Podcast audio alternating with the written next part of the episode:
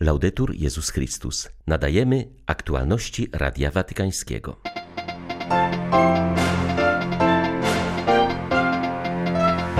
W obliczu tragedii trzeba oprzeć się na Bogu i międzyludzkiej solidarności, powiedział papież podczas audiencji dla włoskich klarysek, które przed dwunastoma laty w trzęsieniu ziemi straciły przełożoną i klasztor. W Chicago odbywa się polonijny kongres ewangelizacyjny. Konflikt we wschodniej Ukrainie jest zagrożeniem dla całego świata, ostrzega arcybiskup Borys Gudziak, zwierzchnik ukraińskich grekokatolików w Stanach Zjednoczonych. 26 kwietnia witają Państwa Krzysztof Bronk i Łukasz Sośniak. Zapraszamy na serwis informacyjny. Obliczu tragedii trzeba rozpocząć na nowo, opierając się na Bogu i braterskiej solidarności, powiedział papież na audiencji dla włoskich klarysek z miejscowości Paganika w Abruzji. Przed dwunastu laty boleśnie doświadczyły one trzęsienia ziemi. Straciły w nim opatkę, wiele sióstr zostało rannych, klasztor legł w gruzach. Dziś ich życie kwitnie na nowo. Wspólnota składa się z młodych sióstr, klasztor został odbudowany. Franciszek zwrócił uwagę na znaczenie obecności sióstr klauzurowych pośród ludności, która została dotkliwie doświadczona trzęsieniem ziemi i nadal potrzebuje wsparcia i zachęty.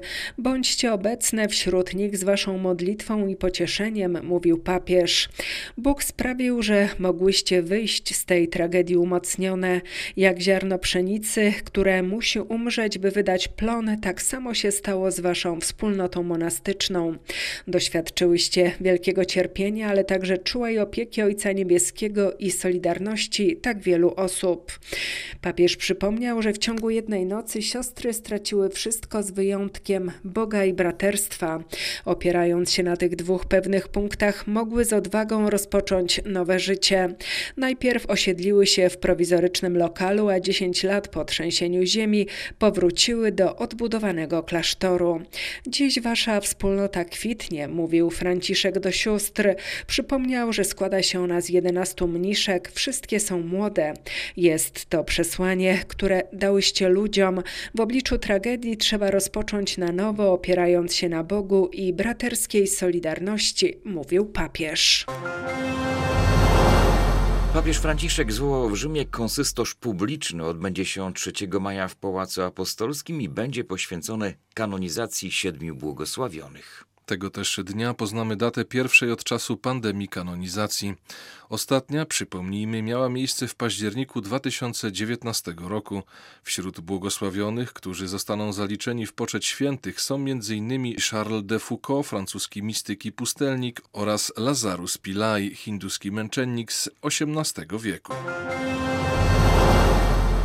Papież Franciszek przekazał Armenii sprzęt medyczny do walki z koronawirusem. Wśród darów znalazł się nowoczesny ambulans oraz respiratory, które trafią do szpitala Redemptoris Mater w Aszocku. Nuncjusz apostolski w tym kraju podczas niedzielnej mszy pobłogosławił także dodatkowy sprzęt przeznaczony do badań i leczenia zarażonych wirusem COVID-19. Transport darów trafił do Armenii dzięki Fundacji Dobry Samarytanin, działającej przy watykańskiej dykasterii do spraw integralnego rozwoju człowieka. To jedno z wielu stowarzyszeń kościelnych zajmujących się pomocą humanitarną na całym świecie. Szpital Redemptoris Mater w prowadzony jest przez kamilianów, którzy od ponad 25 lat opiekują się pacjentami w regionie południowego Kaukazu. Zapewnia opiekę zdrowotną za symboliczną opłatą. Najbiedniejszymi opiekuje się bezpłatnie. Na początku okrutnego XX wieku męczennicy ormiańscy przypomnieli nam, że męczeństwo nie jest dla chrześcijaństwa zjawiskiem marginalnym, ale samym centrum Kościoła, powiedział kardynał Kurt Koch podczas ekumenicznego nabożeństwa, które odbyło się wczoraj wieczorem w Bazylice Świętego Bartłomieja dla upamiętnienia ludobójstwa Ormian.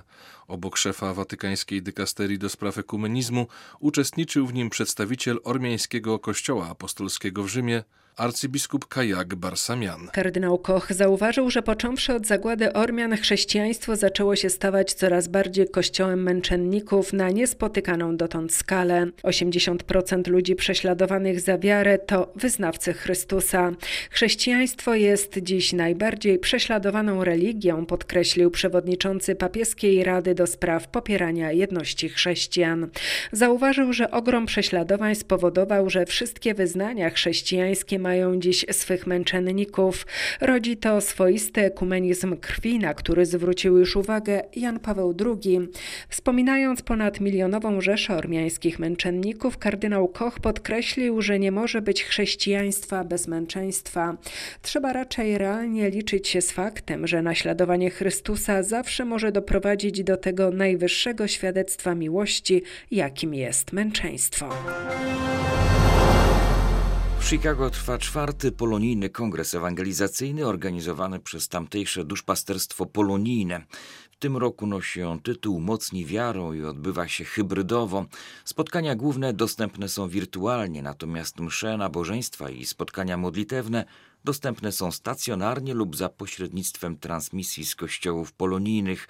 W słowach skierowanych do uczestników kongresu kardynał Blaise Kupicz powiedział, że nie możemy być naiwni wobec wyzwań, przed jakimi stoimy w dzisiejszych czasach. Mocniej wiarą albo koniec kościoła to tytuł pierwszego tygodnia kongresu. Organizatorzy wybrali ten trochę prowokacyjny temat, ponieważ głęboko wierzą, że dzisiejszy kościół pilnie potrzebuje niezłomnych świadków wiary. Drugi tydzień zatytułowany Mocni wiarą jak Józef w dużej mierze skierowany jest do ludzi młodych. Każde ze spotkań zdalnych zawiera konferencję głównego prelegenta, panel dyskusyjny związany z tematem dnia oraz świadectwa wiary. Każdego dnia podczas spotkań na gości czeka grupa modlitewna gotowa do modlitwy wstawienniczej. Dużym zainteresowaniem pierwszego tygodnia zdalnego kongresu cieszyła się konferencja arcybiskupa Grzegorza Rysia, w której metropolita łódzki mówił o męstwie wiary. Wiele inspirujących myśli tego tygodnia było zawartych również w rozmowie panelowej liderów polonijnych na temat obecnego stanu Kościoła i jego przyszłości. Z Chicago dla Radia Watykańskiego Alicja Pożywio. We Francji rozwijają się kolejne inicjatywy duszpasterskie, których celem jest głoszenie Ewangelii muzułmanom. Projekt ewangelizacyjny zainicjowany we wspólnocie Manuel wdrażany jest w kolejnych parafiach. Z danych francuskiej służby do spraw katechezy wynika, że 7% ochrzczonych dorosłych pochodziło w tym roku z islamu. Jeszcze kilka lat temu mówienie o ewangelizacji muzułmanów było we Francji źle widziane, a w strukturach kościelnych w tym temacie istniała prawdziwa luka duszpasterska. Te sytuacje zaczęli zmieniać członkowie wspólnoty Manuel, przygotowując specjalne kursy formacyjne, na których poznawano zasady islamu i uczono się, jak głosić Ewangelię muzułmanom, szanując kulturę ich pochodzenia. Zwracano też uwagę na nieznany w chrześcijaństwie aspekt kary za zmianę religii, co w islamie łączy się często z zerwaniem relacji rodzinnych i wyobcowaniem ze społeczeństwa. Dlatego też zaczęto tworzyć specjalne wspólnoty dla konwertytów, starając się, by znaleźli w nich wsparcie w codziennym życiu i pomoc w zbudowaniu nowego środowiska wiary. Podobne inicjatywy były podejmowane też przez inne inne wspólnoty i ruchy, dlatego też z czasem utworzono specjalną platformę, na której można się dzielić doświadczeniem i trudnościami związanymi z ewangelizacją osób wywodzących się z islamu. W wielu diecezjach powstają też specjalne misje poświęcone przyjęciu muzułmanów, którzy przygotowują się do chrztu lub już nawrócili się na chrześcijaństwo. Szacuje się, że aż jedna dziesiąta francuskiego społeczeństwa to obecnie muzułmanie. Konflikt we wschodniej Ukrainie stwarza zagrożenie nie tylko dla tego regionu, ale dla całego świata, uważa arcybiskup Borys Gudziak, zwierzchnik ukraińskiego kościoła grecko-katolickiego w Stanach Zjednoczonych. Jego zdaniem prezydent Rosji Władimir Putin próbuje doprowadzić do upadku państwa ukraińskiego poprzez działania wojskowe, gospodarcze i dezinformację. Arcybiskup Gudziak podkreśla, że trwający od siedmiu lat konflikt we wschodniej Ukrainie jest decydujący nie tylko dla geopolityki europejskiej, ale także dla azjatyckiej. Bez Ukrainy Rosja nie jest imperium, a właśnie takiego statusu swojego państwa pragnie prezydent Putin, powiedział hierarcha. Podkreślił, że Ukraina była pierwszym krajem, który pozbył się arsenału nuklearnego, pod warunkiem, że USA, Wielka Brytania, Rosja i do pewnego stopnia również Francja zagwarantują jej integralność terytorialną.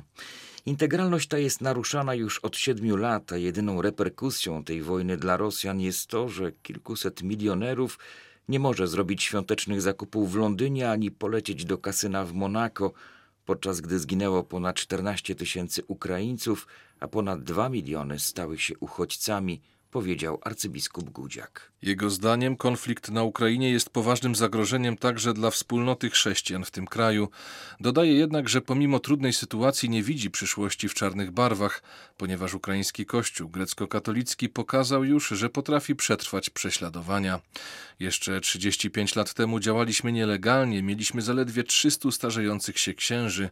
Dziś mamy 3000 kapłanów i 36 diecezji, z czego 20 zlokalizowanych jest poza Ukrainą. Mamy młody i dynamiczny episkopat. To Kościół Wielkanocny, który miał umrzeć, a żyje, zauważył arcybiskup Gudziak. Destabilizacja sytuacji w wielu krajach Afryki sprawia, że ludzie wciąż migrują w poszukiwaniu lepszego życia. Niestety marzenia o Eldorado często zamieniają się w dramat i kończą śmiercią. Problem migracji nie dotyczy jedynie prób dotarcia do Europy, ale dotyka boleśnie także inne regiony świata.